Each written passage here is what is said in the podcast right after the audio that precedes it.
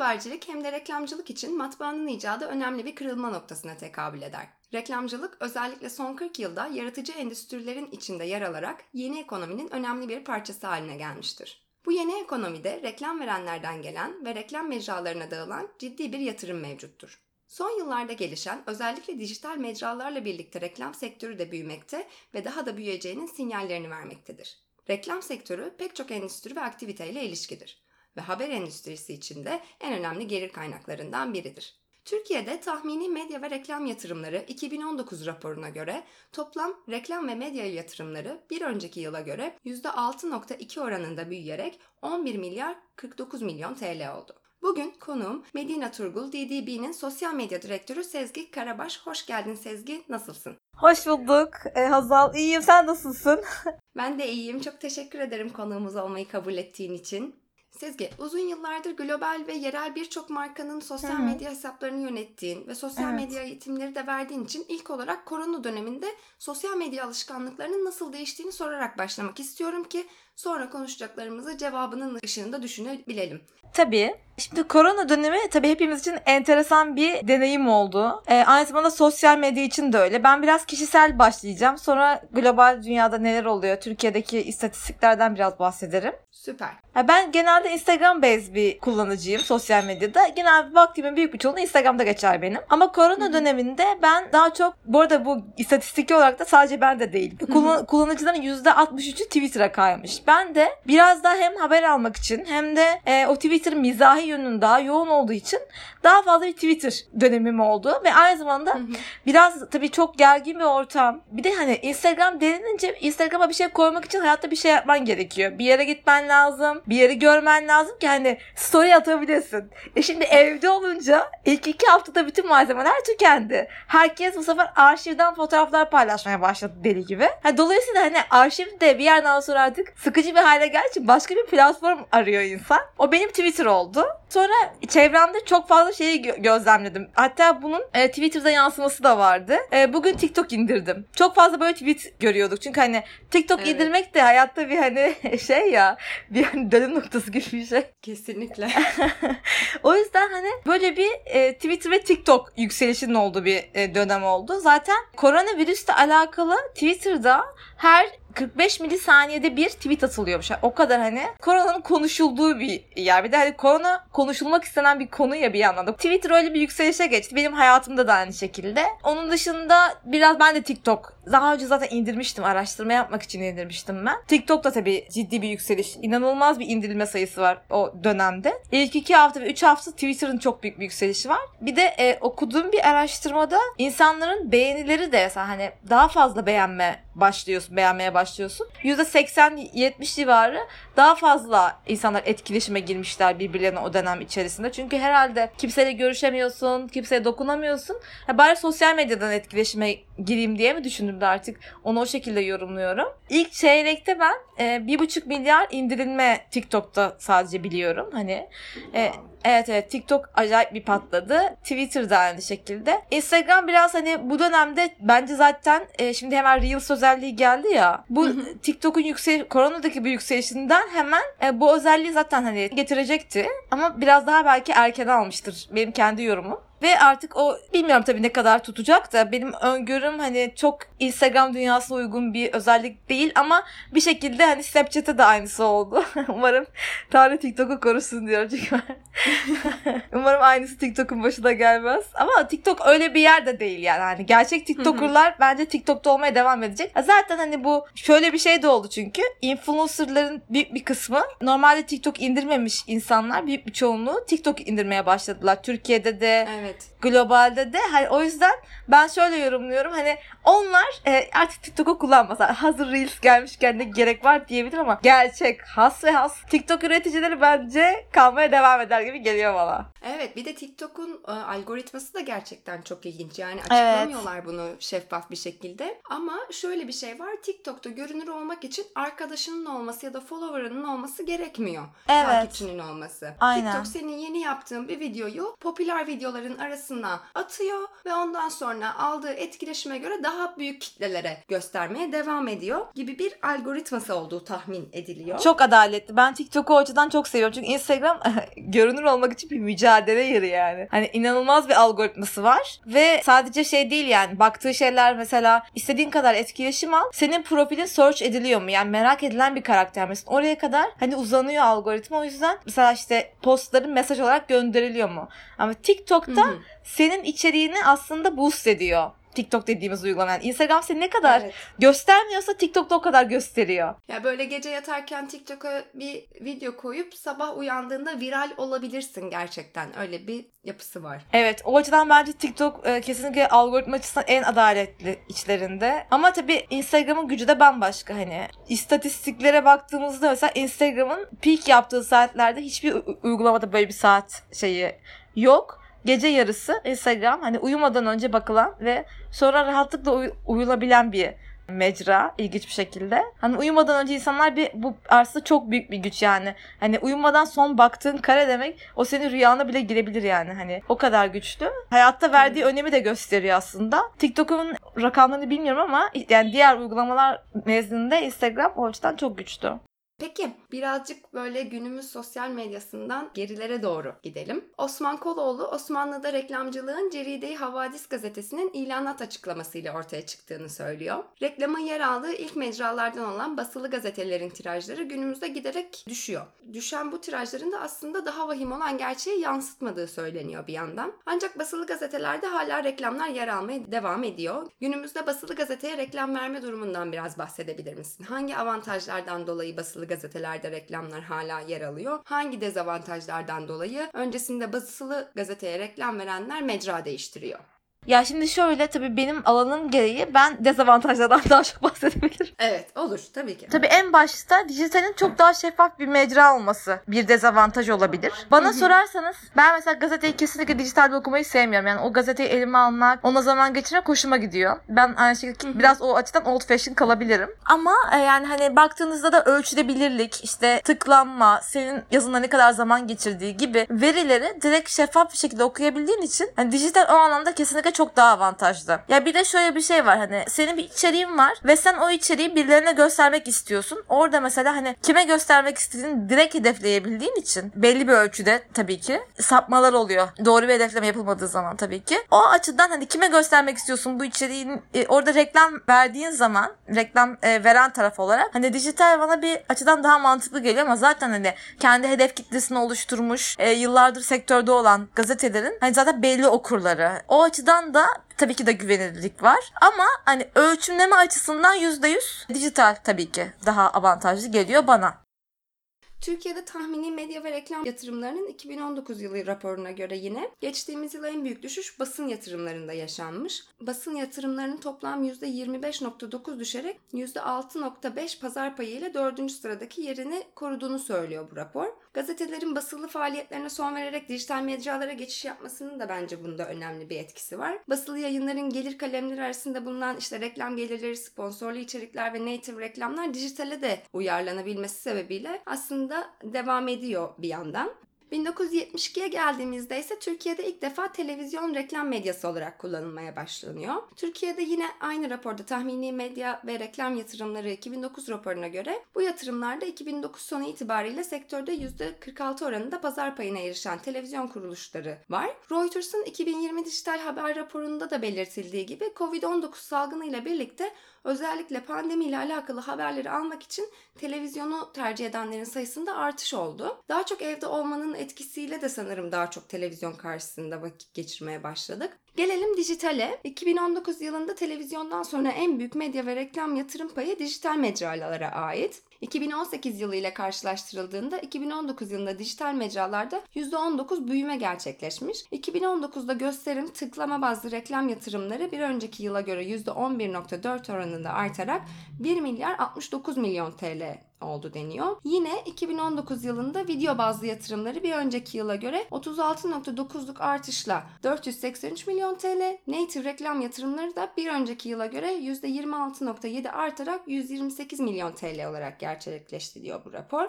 Bu verileri nasıl yorumluyorsun? Reklamdan sürdürülebilir gelir elde etmek isteyen haber kuruluşları ve haberciler bu verileri nasıl yorumlamalı? Yani şimdi tabii sosyal mecralar üzerinden gelir elde etmek ben sosyal medya tarafını yanıtlayayım. Birincisi bir ürününüz Hı hı. olmalı. O ürünü Instagram'ın shop özelliği var. Bundan hani yararlanabilirsiniz. Aynı zamanda bu Facebook'un kendi açıklaması Kendinizden de pay biçin bu arada. Hani e, hangi Hı hı. mecrada nasıl davranıyorum? Üç kişiden ikisi Instagram'da bir markayla etkileşime geçmeye hazır. Aslında biraz discovery alanı Instagram. Hı hı. Ve mesela gençlerin %70'i yeni bir ürünü yani keşfetmek için Instagram'ı tercih ediyor. %12'si ise Facebook'u. Şimdi haber konusuna gelirsek ben mesela e, çok güvendiğim platformları kendi sosyal medya kanallarından takip etmeye başladım. Özellikle korona döneminde. Çünkü Twitter fake haber kaynağı biliyoruz yani. O- yüzden hani güvenilir haber kaynaklı Instagram'da mesela çok fazla takip aldım. Hani çünkü anlık olarak gelişmeleri görmek istiyoruz. Burada dikkat edilmesi gereken şey her mecranın kendi tonuna, kendi dünyasına göre e, var olması. Yani mesela benim çok BBC'nin e, kanallarını takip ediyorum. Onun dışında New York Times'ı takip ediyorum. Çok güzel sosyal medya aslında içerikleri oluşturuyorlar. Çünkü e, içeriğin kendisinin güçlü olması. Mesela çok yani inanılmaz bir bilgi de olsa o haber o haberin veriliş tarzı çok önemli. Mesela onlar dikkat ediyorlar bu tarz şeylere. Yani biraz storytelling kısmı giriyor sosyal medya dediğimiz zaman. Çünkü öteki türlü ben Evet. web sitesine bakarım, açarım, okurum. Hani burada bir hani içeriğin e, gücünü aslında veren şey o mecranın doğasına göre hareket etmek. Yani mecraların da aslında şekil değiştirdiğini görüyoruz zaman içerisinde. Yani Instagram Hı hı. başladığıyla aynı Instagram değil şu anda. Dümdüz bir fotoğraf paylaşım platformuyken şu anda çok fazla özellik var Instagram'da. Tabii ki de ilk başta insanlar buna tepki gösteriyorlar. Bir süre sonra tabii ki de onlar da uyumlanıyorlar bu mecranın davranışlarına. O kadar öyle bir noktaya geldi ki aslında bir fotoğraf paylaşırken düşünüyoruz. Çünkü bu bizim kendi kişisel gazetemiz aslında. Kendimizi sosyal medyada var ettiğimiz yer ve görsel bir karakter sunduğumuz yer. Şimdi sen bir e, haber platformu olarak orada kendine unik bir dil edinmek zorundasın. Öteki türlü hani orada e, bir hani varoluş sebebine o mecranın doğasına göre aslında odaklaman gerekiyor. Onun dışında e, influencer olarak aslında yine bir e, gelir elde etme şansı var. E, Burada bağımsız haber içeriği üreten aslında. Ben burada şöyle nitelendiriyorum. içerik üreticisi. Aslında e, haber kanalları da içerik üreticisi. Ve e, bu içeriği üretme şekilleri tabii ki de matematikleri önemli. E, 140 Journos gibi bir kanal var mesela hani YouTube dinamiğine göre tamamen. Oradaki matematiğe uygun. Hani burada tabii hangi mecrada var olacağınıza bağlı. Yani Twitter'da o kadar da görsel bir düzene, matematiğe gerek duymayabilirsiniz. Instagram kadar öyle görselin hani kral olduğu, oranın hani e, asıl varoluş sebebi değil. Hani dolayısıyla hangi mecrada va- var olmam gerekiyor? Birinci soru bu. İkincisi bu mecralara ne kadar zaman ayı- ayıracaksınız? Çünkü e, şöyle bir şey var hani efor sarf etmek gerekiyor yüzde yüz ve o eforu nereye kanalize edeceksin? Yani atıyorum benim elimde atıyorum iki kişiyle çalışıyorsam ben ve bu insanın elindeki kaynak belli, zamanları belli. Ben belki şey yapmayı tercih ederim. Yani belli bir çünkü siz ne yazık ki örnek veriyorum Instagram'sa söz konusu olduğunuz yer reklam vermeden zaten görünürlük diye bir şey çok zor. O görünürlük için belli bir bütçe ayırman gerekiyor. Bu, bu kadar bir bütçem var. E, Instagram'da mı Twitter'a yarı yarıya bölmektense bir yere yoğunlaşmayı tercih ederim. Yani elindeki efor, bütçe bunun hepsi bir soru işareti aslında. Ve hani hangi mecrada olacağını senin aslında üslubun da belirliyor. Atıyorum çok agresif ve çok esprili bir içerik oluşturacaksan tabii ki de e, yerin Twitter ama hani daha böyle e, visual bir hikaye anlatacaksan Instagram. Yani bu aslında biraz da şey getiriyor hani artık unique hikayeler oluşmaya başlıyor ve sen artık oradan takip ediyorsun gündemi ve farklı e, şeyler görüyorsun. Senin de aslında o eski habercilikten çıktı biraz. Artık insanlar o backstage'de neler oluyor onu da görmek istiyorlar ve oradaki hikayeyi de aslında e, dinlemek istiyorlar. O yüzden ben mesela YouTube'un bu anlamda çok sektörde katkısının olabileceğini düşünüyorum YouTube kanallarının. Oradan mesela bir gelir elde etme şansı olabilir. Çünkü çok düşük de olsa hani. Ama burada tabii ki de gelir modeli ne olabilir? Ürün entegrasyonu mümkün. Mesela Mesela bizde markalar için bazı YouTube kanalları var. Evet o, mesela bu YouTube kanalı işbirliği yapalım. İşte istatistikleri böyle. Ee, biz o programa ne kadar ama tabii ki de eski reklamcılık stili böyle göze sokarak reklam vermektense daha böyle native duran işler şimdi ön plana çıkıyor. Dolayısıyla burada hani varoluş şeklini ve oradaki matematiğini düzgün oturtman lazım. Sonrasında yani yola böyle sosyal medyada bir bir şey yapalım diye çıkıldığında pek o işlemiyor. Yani hangi mecra, hangi mecra konsantre olmam gerekiyor ve ne yapmam lazım? Kendine bir yol haritası çıkarman gerekiyor. Ve bunu ölçümlemen lazım sürekli. İstatistiklerini mutlaka hani her hafta mümkünse yorumlaman gerekiyor. Ona göre şekil alman lazım. Yoksa insanlar biraz şey gibi bakıyor. Bu post çok başarılı oldu. Okey. Hani post bazlı düşünmemek lazım. Tek içerik bazlı değil. Yani mesela örnek veriyorum YouTube'da var olacaksan zaten YouTube'un matematiği belli. Haftada 3 Hı hı. 3 içerik minimum istiyor. Yani hani o Hı hı. aslında biraz algoritmaya göre hizmet etmek zorunda içerik. Ne yazık ki bu böyle. Dijitaldeki gösterim, tıklama bazlı, video bazlı ve native reklamlara yapılan yatırımları düşündüğümüzde bu reklam modellerinin güncelini ve geleceğini nasıl değerlendiriyorsun ve haber kuruluşları ve haberciler bu reklam türlerine nasıl yaklaşmalı dersin? Reklam modellerinin geleceğini açıkçası yani hedefleme açısından giderek daha da e, güçleniyor. Hedefleme ve analiz. Bu bir yandan korkutucu. Benim mesela hani kişisel bir girişimim var mesela annemle birlikte yaptığımız bir oyuncak markası. Orada mesela e, hedeflemelerimi yaparken çok hani basic bir örnek olacak ama işte insanların e, ilişki yıl dönümlerinin yaklaştığı kişilerle göster. Ha, bu bu tip Hı hı. şeyleri hani birebir hedefleyebildiğimiz için aslında ben şunu çok net hissediyorum. Yani bizim yaptığımız her hareket siz de zaten yani imkansız bunu hissetmemeniz. Hatta konuştuğunuzda bile bazen çıkabiliyor. Bunu böyle iddia edenler var. Yani bu bence biraz aslında bütün sosyal medyadaki varoluşumuz her anımızın okunduğu, her anımızın bir yandan aslında güzel de bir şey. Çünkü neden? Hı hı. Benim ihtiyacım olan şeyi sağ olsun her şeyi çözüyor ve anlıyor ve gösteriyor. Bazen de yanlış okumalar da oluyor. E, dijitaldeki adımlarını okuyor ya hani ve bir süre şöyle bir şey de var. Sürekli çıkıyorsa örnek veriyorum ben Booking.com'da Amsterdam'a gideceğim. Amsterdam'a baktım Booking.com'da ama gittim başka bir yerden satın aldım. Ben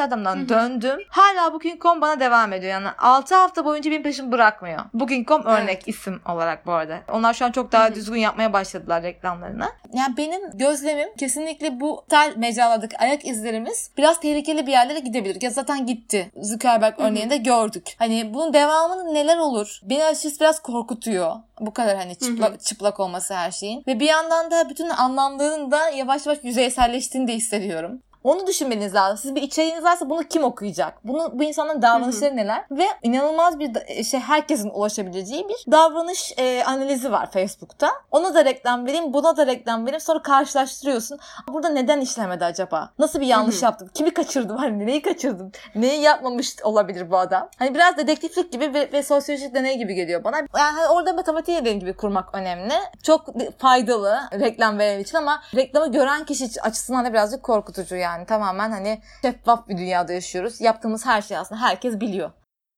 Dijital mecra yatırımlarında mobil ekranların payının bilgisayar ve laptopun iki katı olduğunu görüyoruz. Bu veriyi nasıl yorumluyorsun ve bu verinin ışığında haber kuruluşlarına ve habercilere sosyal medya reklamlarından sürdürülebilir bir gelir elde etmekle alakalı önerilerin var mıdır? Bu artık hani herkesin söylediği bir şey. Mobil yükselişte artık hani bunu milyonuncu kez ben de söylemeyeyim ama yani bu her şekilde bütün içeriklerin mobile uygun olmaları gerekiyor. Mesela ben ne yazık ki bazı haber kanallarını görüyorum. Instagram'da bakıyorum görsel okunmuyor ya. Okunmuyor. Ya bunu artık Hı hı. bu dünyaya göre hazırlamak zorundasın. Onun dışında e, dediğim gibi her mecranın doğasına uygun içerik üretmek zorundasın. Ve buradan gelir elde etmek istiyorsan da içeriğinin bir e, hikayesi olması lazım. Storytelling'i olması lazım ki bir şekilde markaların ilgisini çekebil. Zaten hani orada direkt bu ön plana çıkan bir durum. Yani buradaki kriterleri baz alarak buna, bu alana %100 bir yatırım yapmak zorundalar yani artık. Büyük zaten haber kuruluşunda görüyoruz yani hepsini bir e, çok düzgün, çok haftada bazen inanılmaz çok içerik koyuyorlar bu arada haber kanalları. Çünkü öyle olması gerekiyor.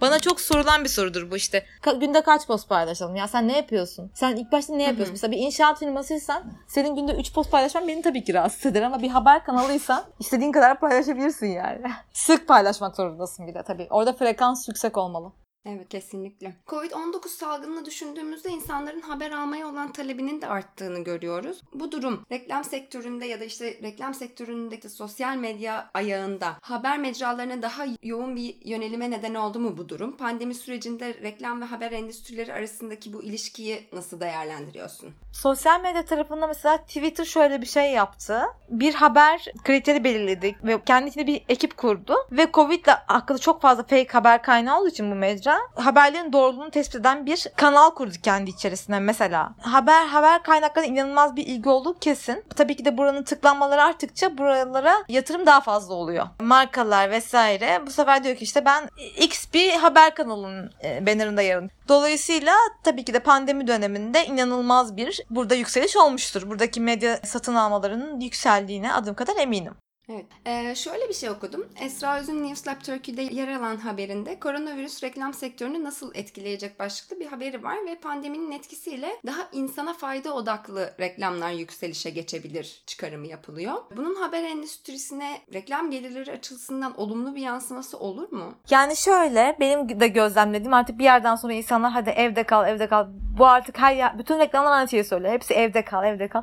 Ama sen ne yapıyorsun? Hani orada bir somut bir faydası olan daha tabii ki inandırıcılığı artıyor. Hı hı. O yüzden bir noktadan sonra artık insanlar hani yapılan bağışları işte atıyor solunum cihazı satın alıyor onu paylaşıyor. O zaman tabii ki daha bir inandırıcılık. Yoksa yeter artık yani herkes aynı şeyi söylüyor. E sen de bir marka olarak söylüyorsun artık bir sıkıcı bir hale geldi bir noktadan sonra. E, o açıdan tabii ki de e, somut faydaların bir haber değeri olacaktır yani. Çünkü bunu yapmak zorundalardı. Şimdi biraz daha hayat normale döndü. İzleyip göreceğiz. Bakalım ne olacak. Haber kuruluşları ve haberciler sosyal medya üzerinden nasıl reklam geliri elde edebilirler? Bu şekilde bir reklam geliri elde etmek isteyen haber endüstrisi aktörlerinin dikkate alması gerektiğini düşündükleri nelerdir? Öncelikle var olacakları mecrayı seçmeleri gerekiyor. Ve o mecranın doğasını bir inceleyip o mecrada nasıl var olacak seçmeleri lazım. Ellerindeki eforu ve zamanı değerlendirmeleri lazım. Bütçeyi de. Çünkü bu iş e, para harcamadan olabilecek bir şey değil. Viral diye bir şey ne yazık ki artık yok. Dolayısıyla e, buraya bir bütçe harcamak gerekiyor. Buradaki eforu ben nereye kanalize etmeliyim? İşte benim üslubum ne olacak? Üslubum hangi mecraya daha yakın? Atıyorum e, Instagram'sa mutlaka görsel bir dil oluşturmam gerekiyor. Bir art direktör mutlaka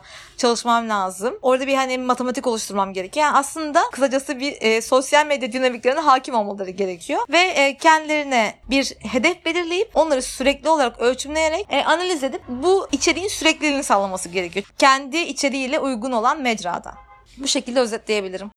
Peki mesela ben bir haberciyim ya da bir haber kuruluşundayım. Reklam verenlerin ve ajansların dikkatini çekmek için, bir reklam mecrası olabilmek için, onların karar mekanizmalarında öne çıkabilmek için, dikkate alınabilmek için neler yapmam gerekiyor? Tabii ki burada ürün yani hangi marka olduğu, o markanın e, doğasına senin içeriğin uygun olup olmadığı önemli. Örnek veriyorum ben bir televizyon markasıysam bu senin içeriğine neden reklam vereceğim? Yani bu orada bir kere unik bir içerik olması çünkü artık hani influencer işbirlikleri de biraz tek düzeleşmeye başladı. Dolayısıyla hani burada unik kanallar olduğu zaman biz inanılmaz hoşlanıyoruz. Özellikle benim ben ve ekibim ve bütün sosyal medyacılar hani böyle bir içerik üreticisinin var olması çok değerli. Ve hani markaya da götürürken bakın burası işte değerlenecek şekilde genelde zaten eğer ben çünkü çok YouTube'da dolanan biriyim. Hani keşfedince hemen mesela görünce çok mutlu oluyorum. Ha böyle bir şey var hani bir de kaliteli içerik üreticisi. Hani o da biraz e, zor bulunuyor. Çok fazla içerik üreticisi var ama bir yerden sonra gülmeme challenge dışında içerik üreten ve hani değerli içerik üreten de zor bulunuyor. Dolayısıyla markamın doğasına uygun olması lazım. Farklı ve hani kendine has bir üslubunun olması çok önemli. Mesela ben influencer işbirlikteliklerinde de hep şeye dikkat ediyorum. O tonda olsun. Bırakın hani markaya da bunu e, empoze etmeye çalışıyorum. Bırakın o tonda kalsın hani. Çünkü öteki türlü evet yani işte reklam vermiş, reklam izler gibi izliyor. Tabii ki de bir yandan da böyle. Ama daha native e, kalması için o kanalın üslubunda var olması lazım. Öteki türlü böyle bir itici hale geliyor. Hani ay reklamı geç moduna geçiyor insanlar. Daha native olması, e, olabilecek potansiyelin olması en azından ve direkt linklenmesi ürünle. Ben yani reklam ajans tarafında çalışan biri olarak bu kriterlere bakıyorum. Sonrasında zaten hemen markaya gönderiyoruz. İşte şöyle bir kurgu yapabiliriz vesaire şeklinde. Genelde de hani böyle bu arada mikro influencerlar yani daha böyle mikro içerik üreticileri şu anda etkileşim oranı olarak daha yüksek. Yani onlar daha aslında kıymetli bir noktaya geliyorlar. Çünkü mesela şöyle sürekli her gün bir şey paylaşan ve her gün bir reklamı empoze eden yerine daha böyle yükselişte olan e, mikro influencer içerik üreticileri markalar da bu arada böyle tercih ediyor ve istatistikler Evet. o insanların daha fazla etkileşim aldığını gösteriyor. Şu anda bir podcast programında bunu konuşuyor olduğumuz işte ben de bir podcaster olduğum için bunu sormadan edemeyeceğim. Tabii. Podcast pazarı dünyada giderek büyüyor ve podcastler reklam verenlerin ve reklam ajanslarının giderek daha fazla tercih ettiği bir reklam mecrası haline geliyor. Evet. Türkiye'de ise böyle daha tek tük kimi podcastlerin reklamdan gelir elde ettiğini görüyoruz, biliyoruz. Podcast mecrasıyla alakalı reklam sektörü kulislerinde neler konuşuluyor? Podcast formatında üretim yapan haberciler ne yapmalı, ne düşünmeli, ne beklemeli? Ya bence podcast e, harika bu arada. Ben çok seviyorum ve dinliyorum da. Ancak şunu tavsiye ederim. Sadece podcast olarak kalmasınlar. bir de böyle hani ne yazık ki reklam veren için bu kriterlerden biri olabiliyor. Görsel bir e, mesela YouTube kanalıyla mutlaka desteklenmesi benim önerim olabilir. Yani diğer mecralarda da varlığını sadece podcast'te çok unik bir içerik değilse bırakmamasını tavsiye ederim. Ama podcast'i de diğer mecralar üzerinden boost edebilir. Ve bu arada başka şöyle bir modeller var. Belki biliyorsun, sen de biliyorsun %100. Audiogram mesela daha böyle hem ses hem Evet. görüntü işte Instagram Instagram'a uygun bir içerik dünyası oluşturabilir burada. Ya sadece bir görsel koyup hani podcast'inden ufak bir alıntı yapıp devamını izlemek için linkle yönlendirebilir. Bu şekilde yani podcast'ini boost edebilir. Sosyal medyanın diğer faydalarından yararlanarak mecraların faydalarından. Doğru söylüyorsun. Ben de bunu yapmaya çalışıyorum. Evet zaten. evet görüyorum görüyorum. Çok çok teşekkür ediyorum Sezgi bugün konuk olduğun için. ben çok teşekkür ederim. Teşekkürler bu bilgiler için. O zaman bir sonraki bölümde görüşmek üzere. Görüşürüz.